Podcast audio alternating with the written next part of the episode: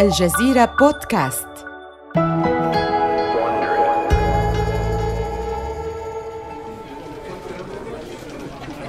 إنه يوم عيد الحب عام 2000 في مقر شركة مايكروسوفت بمدينة ريدموند في واشنطن. ولكن الحب لا يملأ الأجواء بل شعور آخر لعله الخوف. قبل تسعة أشهر طلب رئيس شركة مايكروسوفت بيل جيتس من مهندسيه بدء العمل على أجهزة ألعاب إكس بوكس. إنه قلق من محاولات سوني استخدام بلاي ستيشن لدفع حواسيب ويندوز خارج المنازل. ولذا فإن جيتس هنا يلعب دورا دفاعيا وهجوميا في آن واحد. إنه يريد إيقاف سوني ولكنه في الوقت نفسه يريد استخدام أجهزة إكس بوكس كخطوة أولى نحو وضع ويندوز في قلب نظام الترفيه المنزلي. كما ترون فإن جيتس يتخيل العالم عندما يدخل إكس بوكس إلى غرف المعيشة ويصبح جزءاً منها. إنه لا يجلب معه نظام ويندوز فقط بل يصبح بوابة لعالم واسع حيث التلفزيون يقدم جميع أنواع الترفيه من الموسيقى والأفلام والألعاب. والسؤال الآن هو ما إذا كان فريق إكس بوكس قد أعد بالفعل خطة يمكنها أن تعيد سوني إلى حيث بدأت؟ يجلس كبار المديرين التنفيذيين بمايكروسوفت مع فريق إكس بوكس في غرفة الاجتماعات في انتظار جيتس. لقد تأخر والوضع متوتر. فجأة يندفع جيتس إلى الغرفة منفعلا وهو يرتدي قميصا بنفسجي اللون وبيده نسخة من خطة عمل إكس بوكس. يرمي الخطة بعنف على الطاولة وينظر إلى فريق إكس بوكس بغضب. هذه الخطة إهانة بالغة لكل ما بنيته. يتفاجأ فريق إكس بوكس من غضب جيتس ويحاول رئيس مايكروسوفت جيم ستوديوز إيد فريز التحدث إليه. حسنا اسمع. لم أنتهي بعد. لقد وافقت على جهاز ألعاب من شأنه أن يضع ويندوز في غرف المعيشة. وما الذي جئتم به؟ جهاز ألعاب لا يعمل بنظام ويندوز بل لا يقوم بعمل أي شيء سوى تشغيل الألعاب. ما هذا بحق السماء؟ يحاول فريز أن يشرح الأمر. إكس بوكس هو جهاز للألعاب. إنه يحتاج فقط إلى نظام تشغيل يناسب الألعاب وليس لمجموعة برامج مايكروسوفت أوفيس. هنا يأتي دور الرئيس التنفيذي للشركة ستيف بالمر لكي يوجه لومه إلى مديري إكس بوكس التنفيذيين. يقلب في صفحات خطة عمل الجهاز حتى يجد صفحة الميزانية والتوقعات المالية. منذ تسعة أشهر قلتم إننا سنخسر مليار دولار لإطلاق هذا الشيء وكان هذا سيئا بما يكفي. ولكن الآن بعدما راجعتم التكاليف بالتفصيل وهو ما كان يجب أن تفعلوه منذ البداية فأنتم تتوقعون خسائر بأكثر من ملياري دولار. كل هذا المال فقط للحصول على موطئ قدم في مجال الألعاب؟ تتوالى هجمات جيتس وبالمر على الفريق لساعات. يتصل المديرون التنفيذيون بأحبائهم ويخبرونهم بإلغاء خططهم لعيد الحب. ولكن بعد ذلك يقوم النائب الأول لرئيس مايكروسوفت كريغ ماندي بإعادة توجيه الحديث مرة أخرى عن بلاي ستيشن بيل ستيف انتظرا لحظة واسمعا كيف أرى الأمر. سوني تريد أن يحل بلاي ستيشن محل حواسيب ويندوز ليصبح هو مستقبل الترفيه الرقمي في المنازل. أليس كذلك؟ وبالفعل فإن عدد مالكي بلاي ستيشن من الأمريكيين أكثر من مالكي الحواسيب الشخصية. لا يمكننا تجاهل البلاي ستيشن يتوقف جيتس وبالمر للحظة. كلاهما يعلم أن إكس بوكس هو الخطة الوحيدة التي تملكها مايكروسوفت حاليا لإيقاف تقدم سوني. وعلى الرغم من الوقت العصيب ومعاملتهم القاسية لفريق إكس بوكس فإن ما قدمه الفريق الآن يبدو وكأنه مشروع مكتمل. حتى ولو كانوا سيتخطون الميزانية المحددة بكثير. يتشاور جيتس وبالمر للحظة ثم يلتفت بالمر إلى فريق إكس بوكس. حسنا لنمضي في الأمر وأي شيء قد تحتاجونه ستحصلون عليه. اذهبوا واصنعوا هذا الشيء. سيعمل فريق إكس بوكس على صناعة جهازهم ولكن الوقت ليس في صالحهم. ففي الشهر المقبل سوف تطلق سوني بلاي ستيشن 2 في اليابان. وبحلول عيد الميلاد سيكون متاحا في الولايات المتحدة وأوروبا. وإذا أرادت مايكروسوفت ردع سوني فعليها إطلاق أجهزة إكس بوكس بحلول العام المقبل. ولكن المشكلة هي أن مايكروسوفت لا تملك أي معدات ولا ألعاب ولا خبرة في مجال الإلكترونيات الاستهلاكية. تجد مايكروسوفت نفسها تخوض سباقا بمليارات الدولارات. سباقا بدأ قبل أن تكمل استعدادها له.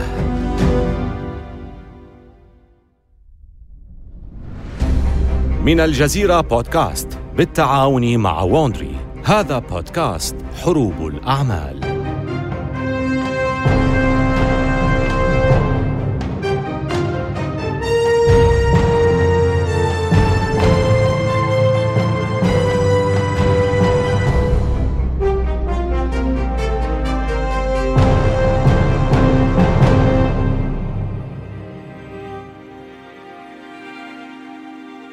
في سلسلة حلقاتنا السابقة عن المنافسة بين سوني ونينتندو، شاهدنا سيطرة سوني ونينتندو على سوق أجهزة ألعاب الفيديو في التسعينيات. لكن إحدى الشركات كانت تراقب بقلق بينما يتسرب بلاي ستيشن إلى ملايين المنازل. في سلسلتنا الجديدة المقسمة إلى ثلاثة أجزاء، إكس بوكس ضد بلاي ستيشن، تصارع مايكروسوفت للدخول إلى مجال ألعاب الفيديو الذي يقدر حجمه بمليارات الدولارات. ليس فقط للمنافسة بل للسيطرة عليه. هذه هي الحلقة الأولى. أكبر مدفع في العالم. إنه العاشر من مارس عام 2000 وبيل جيتس في مؤتمر مطوري الألعاب في سان خوسيه بولاية كاليفورنيا. وصل بلاي ستيشن 2 إلى المتاجر اليابانية الأسبوع الماضي وبيعت كل الأجهزة بالفعل. وفي محاولة لخطف الأضواء من سوني تعلن مايكروسوفت عن دخولها حرب أجهزة الألعاب. يتجول جيتس على خشبة المسرح مرتديا سترة جلدية سوداء. بجواره نموذج مبدئي من أجهزة إكس بوكس مصنوع من الألومنيوم اللامع ومنحوت على شكل إكس كبيرة. إنه تصميم غير عملي بالمرة ولا تنوي مايكروسوفت إنتاجه لكنه كاف لجذب الانتباه لفترة وجيزة. وهذا كل ما بوسع مايكروسوفت فعله في الوقت الراهن. ففي النهاية لا تملك الشركة جهازا أو لعبة لعرضها. يبدو الأمر كما لو كان جيتس قد قرر خوض رهان دون أي خبرة أو أدوات. يحتاج الأمر لكثير من الجرأة والشجاعة. أجهزة إكس بوكس هي مستقبل أجهزة ألعاب الفيديو ونحن نعلن عنها هنا لسبب بسيط نحن بحاجة لكم نحتاج إلى مطورين بارعين أمثالكم لكي يثروها بألعابهم المميزة وبهذه المناشدة يدرك مطورو الألعاب أن جيتس يحمل الورقة الخاسرة مايكروسوفت تصمم ألعاب الفيديو؟ هل هذا معقول؟ مايكروسوفت تصلح لتصميم أنظمة ويندوز وبرامج إكسل فقط. مايكروسوفت ليست ترفيهية بل ليست عصرية، إنها تهتم بالعمل وليس اللعب. الرهان الفائز هنا هو أن بلاي ستيشن 2 سيسحق أجهزة إكس بوكس. ماذا عن سوني؟ لا تبدي سوني أي رحمة أيضاً إنها تدفع لمبرمجي الألعاب مبالغ باهظة لتصميم ألعاب خاصة فقط ببلاي ستيشن 2 إنها حيلة تزيد حرمان أجهزة إكس بوكس من أكثر الألعاب شهرة مثل تومب ريدر وميتل جير سوليد وجراند ثيفت أوتو 3 كل ذلك يزيد الضغط على فريز رئيس وحدة الألعاب بمايكروسوفت إن عليه أن يضمن احتواء أجهزة إكس بوكس على بعض الألعاب الشهيرة عند إطلاقها. وفي أثناء بحثه عن تلك الألعاب تأتيه مكالمة من شأنها أن تغير كل شيء لصالح أجهزة إكس بوكس. إد فريز مرحبا يا إد، أنا بيتر تامتي من بانجي. بانجي هو استوديو تطوير ألعاب والذي قام بصناعة ألعاب لأجهزة أبل ماكنتوش ولكن لعبتهم الأخيرة صدرت بعطل كبير فتم استرجاع كل نسخ اللعبة مما دفع بانجي إلى حافة الإفلاس ويأمل تامتي أن ينقذ فريز الشركة سأدخل في صلب الموضوع مباشرة نحن مفلسون وبحاجة لمشتر لذا دعني أسألك هل تهتم مايكروسوفت بذلك؟ ما الذي تعمل عليه في الوقت الحالي؟ لعبة تصويب نسميها هيلو حيث تحارب امبراطورية من الكائنات الفضائية في مساحة من المناظر الطبيعية الكبيرة المفتوحة بدلا من المحاربة في تلك الممرات الضيقة والتقليدية. هناك جنود مبرمجون للقتال إلى جوارك وفي المقابل هناك كائنات فضائية تعمل معا لمحاصرتك. يمكنك قيادة أي مركبة تراها أو حتى الطيران أيضا. أعتقد أنها ستكون رائعة حقا. ينتهي تامتي من شرحه ويتوقف فريز ليفكر للحظة. فريز يحتاج ألعابا لأجهزة إكس بوكس لكنه ليس متأكدا من هيلو. هذا النوع من الألعاب يبدو كألعاب الحواسيب الشخصية حيث تعتمد اللعبة على تحريك اللاعبين للماوس لاستكشاف محيطهم في بيئة اللعبة.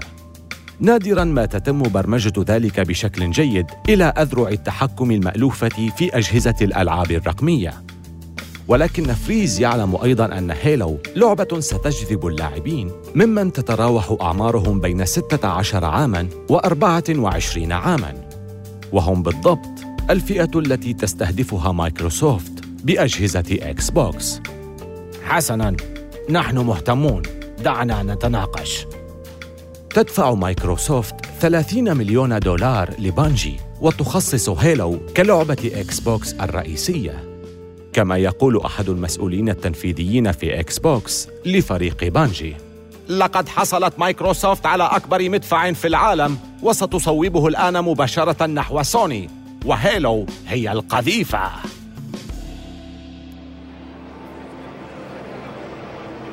إنه مايو عام 2001 ومعرض الترفيه الإلكتروني E3 مستمر في لوس أنجلوس. جهاز سوني بلاي ستيشن 2 يهيمن على هذا الحدث ولكن كل من نينتندو ومايكروسوفت تحاولان سرقة الأضواء بأجهزتهما الجديدة والمقرر إطلاقها بحلول عيد الميلاد. جهاز نينتندو الجديد يدعى جيم كيوب مربع لطيف جميل من شأنه أن يكون أرخص بمئة دولار من بلاي ستيشن 2 ولكن مظهر جيم كيوب المبهج والملون يعزز التصور بأن نينتندو تصمم ألعاباً للأطفال. تواجه مايكروسوفت وقتاً عصيباً هي الأخرى. فقد صدم زوار ركن إكس بوكس بسبب حجم أذرع التحكم الخاصة بالجهاز إنها أكثر سمكا من عشر فطائر من الوفل وهي أكبر بثلاث مرات من أذرع تحكم بلاي ستيشن 2 أحد المشاركين يتصارع مع الذراع بينما يستعد لاختبار النموذج التجريبي لهيلو والذي تعرضه مايكروسوفت في المعرض. كيف يمكن لأي شخص أن يمسك هذا الشيء لساعات بحق الجحيم؟ إنه ثقيل كالقاموس. يمد المشتري إبهامه ويضغط زر البداية. كانت مايكروسوفت تروج لهيلو بشكل بالغ ولكن ما يظهر على الشاشة يبدو غير مكتمل وكثير المشاكل. بينما يأتي الفضائيون نحوه على الشاشة يدفع المشتري عصا التحكم لتفادي أشعة البلازما التي يطلقونها. ولكن بدلا من تدفق الحركة بسلاسة تتعثر اللعبة أثناء لعبه. بعد بضع دقائق يسلم المشتري ذراع التحكم إلى أحد الموظفين. إذا كانت هذه لعبتكم الرئيسية يا رفاق فأنتم في ورطة. إنه نموذج أولي من الجهاز. سوف يعمل بشكل أفضل بكثير عند الإطلاق. أعدك. أجل. بالطبع. بالنسبة لمايكروسوفت كان معرض E3 كارثة. فشلت لعبة هيلو في إبهار الزائرين. وأذرع تحكم إكس بوكس السميكة كانت أضحوكة المعرض. مايكروسوفت تعلم أن عليها إصلاح الأمور وبسرعة. بعد وقت قصير من انتهاء المعرض يزور فريز فريق بانجي ويزيد الضغط عليهم. يجب أن تتحسن هيلو نحن نعتمد عليكم لفعل ذلك. بسرعة! يصل فريق هيلو الليل بالنهار لأسابيع لإنقاذ اللعبة. لديهم ثلاثة أشهر فقط لجعل هيلو لعبة قادرة على تحقيق المبيعات لأجهزة إكس بوكس. في الرابع عشر من نوفمبر عام 2001 بمدينة نيويورك يقترب الوقت من منتصف الليل في ميدان التايمز حيث يصطف محبو الألعاب خارج متجر Toys R Us. حين تدق الساعة الثانية عشرة في منتصف الليل ستفتح أبواب المتجر ليصبحوا أول من يشتري إكس بوكس في العالم. يتجول موظفو مايكروسوفت بين الطوابير ويوزعون دونات كريسبي كريم المزين بحلوى صغيرة باللون الأخضر المطابق لشعار أجهزة إكس بوكس. هناك فعاليات في الشارع المقابل أيضاً. ففي المطعم المسمم على طريقة بطولات المصارعة الحرة WWE هناك حفلة لإطلاق إكس بوكس وحضورها مقصور على الدعوات فقط وعلى خشبة المسرح يقف بيل جيتس ونجم المصارعة ذا روك دوين دوغلاس جونسون الشهير بذا روك هو جبل من العضلات بطول متر وخمسة وتسعين سنتيمترا ويرتدي بدلة سوداء ونظارة معتمة. يزمجر وهو يحوم حول ملياردير البرمجيات الذي لا يزيد طوله عن متر وسبعة وسبعين سنتيمترا بقميصه الأزرق. سمعت أنك أتيت إلى هنا للقتال. هل أنت مستعد للقتال يا بيل؟ يبتسم جيتس ويساير الأجواء. نعم لقد جئت إلى هنا لهزيمتك. يمسك كلاهما ذراع التحكم الخاص به من الجزء العلوي من جهاز إكس بوكس الأسود الجديد على خشبة المسرح. يظهر لهم على الشاشة الجزء الثالث للعبة القتال Dead or Alive بينما يندفع مقاتلاهما على الشاشة ويطلقان العنان لركلات الكونغ فو وفنون الكاراتيه. يتضح ولاء الجمهور سريعا. بيل بيل بيل بيل بيل بيل. لكن الهتافات لا تستطيع مساعدته. فجيتس لعب بالإكس بوكس لأول مرة قبل ساعتين ويقوم ذا راك بإطاحة مقاتل جيتس أرضا.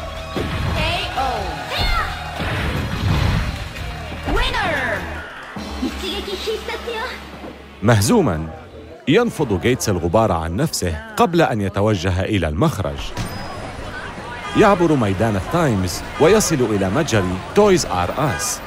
في الوقت نفسه الذي دقت فيه الساعة منتصف الليل وسمح للاعبين المنتظرين أخيرا بدخول المتجر. الأول في الصف هو فتى بعمر العشرين من ولاية نيوجيرسي وقد انتظر اثنتي عشرة ساعة. وبعد أن يدفع الفتى يسلمه جيتس جهاز إكس بوكس. تهانينا لقد أصبحت للتو أول مالك لأجهزة إكس بوكس في العالم. تروج مايكروسوفت لهذا الجهاز الذي اشتراه الفتى للتو كأقوى جهاز لألعاب الفيديو على مر العصور. ولا يوجد سبب للتشكيك في مزاعمهم. فأجهزة إكس بوكس متقدمة. ربما متقدمة أكثر من اللازم. فأجهزة إكس بوكس تحتوي على مودم ذي سعة تدفق كبيرة ولكن معظم الناس لا تزال تتصل بالإنترنت عن طريق الاتصال الهاتفي وهناك قرص صلب داخل كل أجهزة إكس بوكس أيضاً. لكن اللاعبين ومصممي الألعاب أنفسهم ليس لديهم أدنى فكرة عن سبب وجوده. كل هذه التكنولوجيا تزيد من التكلفة ولكن اللاعبين لن يدفعوا ثمنها. للحفاظ على التنافسية مع بلاي ستيشن 2 تباع أجهزة إكس بوكس ب 300 دولار على الرغم من أنها تكلف 420 دولارا لتصنع. ولكن مايكروسوفت لا تبحث عن الأرباح على الأقل ليس بعد. في الوقت الراهن كل ما تهتم به مايكروسوفت هو فقط الحصول على حصة بسوق الألعاب وهي على استعداد لأخذ ضربة كبيرة. للوصول إلى ذلك لكن ليست التكنولوجيا الباهظة الثمن ولا حملة تسويق مايكروسوفت التي تكلفت 500 مليون دولار هي التي جعلت اللاعبين متحمسين للحصول على أجهزة إكس بوكس. ما بدل وجهتهم إلى مايكروسوفت هي لعبة هيلو. فمنذ كارثة معرض ألعاب E3 أعادت بانجي تصميم اللعبة بالكامل. هيلو الآن لعبة تستحق الاقتناء تم إنتاجها بمعايير أفلام هوليوود. لعبة شديدة الروعة لدرجة أن الملايين سوف يشترون أجهزة إكس بوكس فقط ليلعبوها. وبحلول عيد الميلاد تندفع مايكروسوفت نحو هدفها المتمثل في بيع مليون ونصف من أجهزة إكس بوكس في أمريكا خلال العام الجديد. رغم ذلك، سوني ليست قلقة على الإطلاق، فقد باعت بالفعل 20 مليون بلاي ستيشن 2 ومع ذلك فإن بيعهم أكثر من مليون إكس بوكس في غضون أسابيع قليلة يعد بداية قوية لمايكروسوفت. كما أنها بداية كافية لوضع أجهزة إكس بوكس في مركز أعلى من جهاز نينتندو جيم كيوب ولكن الاندفاع الأولي لشراء أجهزة إكس بوكس لا يدوم. فبحلول ربيع عام 2002 تتباطأ المبيعات بسبب عدم وجود ألعاب إكس بوكس جديدة لإشعال حماس اللاعبين. تأثرت مبيعاتهم في اليابان وها هي تتعثر في أوروبا. ريادة بلاي ستيشن 2 في تزايد مستمر. لكن مايكروسوفت لم تنتهي بعد. لقد وضعت خطة. إنه سلاح سري. قد يعطي إكس بوكس الفرصة ليتميز في تلك المنافسة.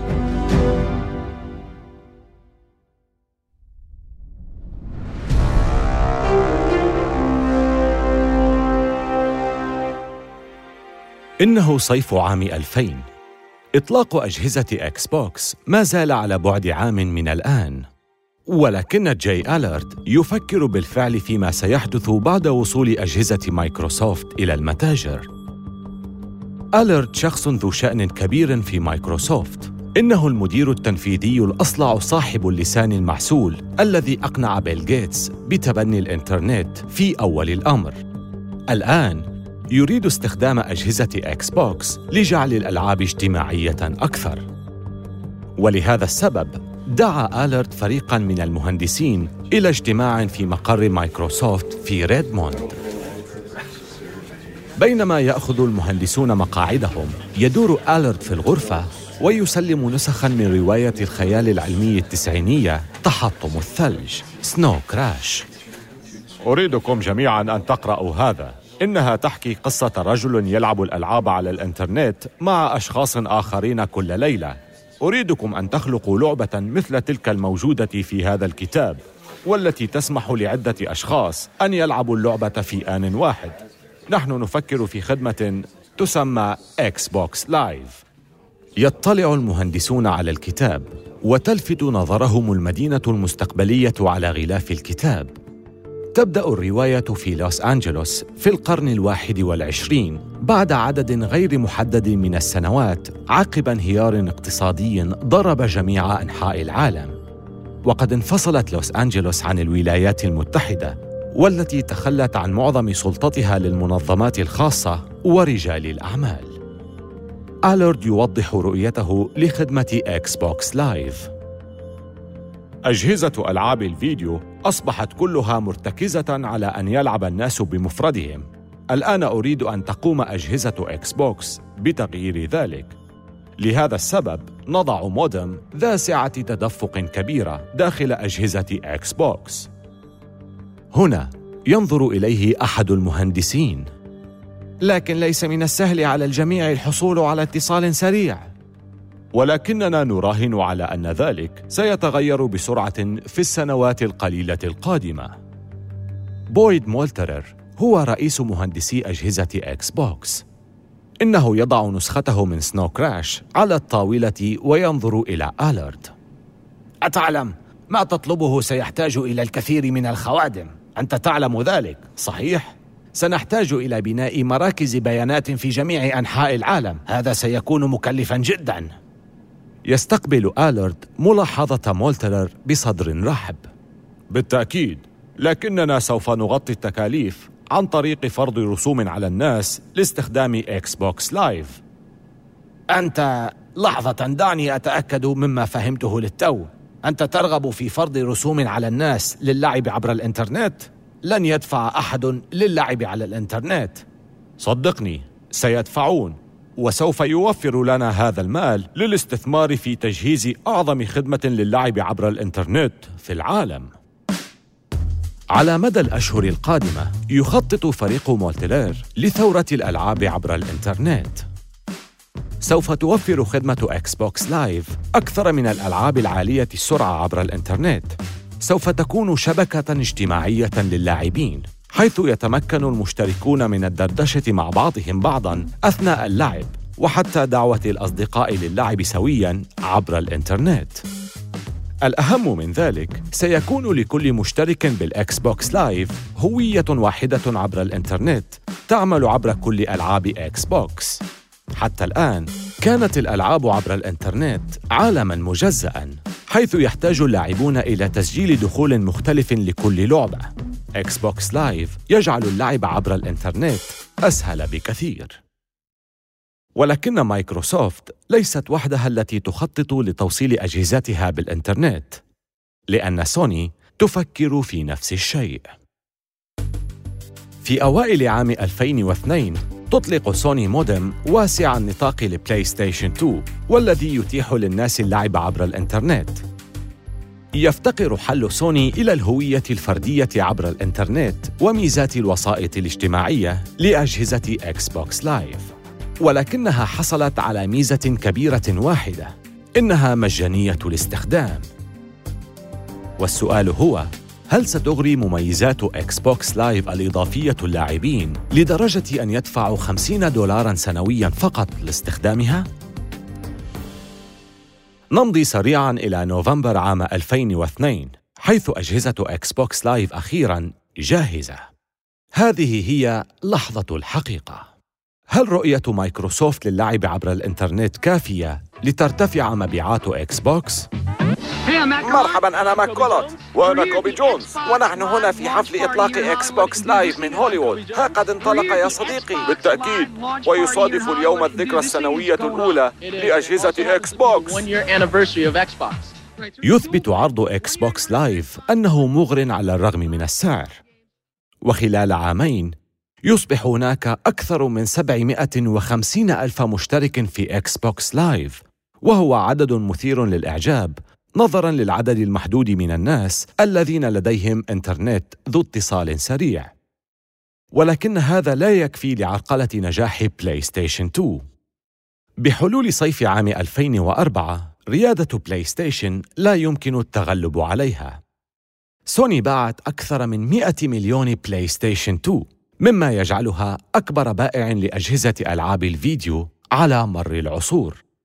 بينما باعت مايكروسوفت فقط 20 مليون إكس بوكس إنها بالكاد تتقدم على جهاز نينتندو جيم كيوب والاستيلاء على تلك الشريحة الرقيقة من الكعكة قد كلف مايكروسوفت الكثير خمسة مليارات دولار. ولكن مايكروسوفت تلعب لعبة بعيدة المدى. أجهزة إكس بوكس أبلت بلاء جيدا بما فيه الكفاية لإعطاء الفريق فرصة أخرى في الفوز على بلاي ستيشن لكن الضغط يتصاعد والرئيس التنفيذي لشركة مايكروسوفت ستيف بالمر يبدأ بفقدان صبره بسبب الخسائر الهائلة من أجهزة إكس بوكس الرسالة واضحة من المسؤولين إما أن يكون أداء أجهزة إكس بوكس المقبلة أفضل أو تقع الفأس على الرأس. في الحلقة التالية، مايكروسوفت تحصل على فرصة للتقدم على سوني، لكن نينتندو تعود بمفاجأة تصدم عالم صناعة الألعاب. آمل أن تكونوا قد استمتعتم بهذه الحلقة من حروب الأعمال. استمعوا إلى حلقاتنا عبر أبل بودكاست وجوجل بودكاست وشاركوها مع أصدقائكم. ولا تنسوا زيارة موقعينا على الإنترنت podcast.aljazeera.net وwandry.com وملاحظة سريعة حول المحادثات التي سردناها لا يمكننا أن نعرف بالضبط ما قيل ولكن هذا الحوار مبني على أفضل الأبحاث التي قمنا بها. هذه السلسلة من حروب الأعمال قدمها في النسخة الإنجليزية ديفيد براون وكتب القصة تريستيان دونوفان. مسؤولة المنتجين والمحررين هي كارين لوي ومحررة هذه الحلقة هي إيميلي فروست. وقام كي راندل من شركة باي إيريا ساوند بالهندسة الصوتية. والمنتج المنفذ هو مارشيل لوي. أخرج السلسلة هيرنان لوبيز لصالح شبكة ووندري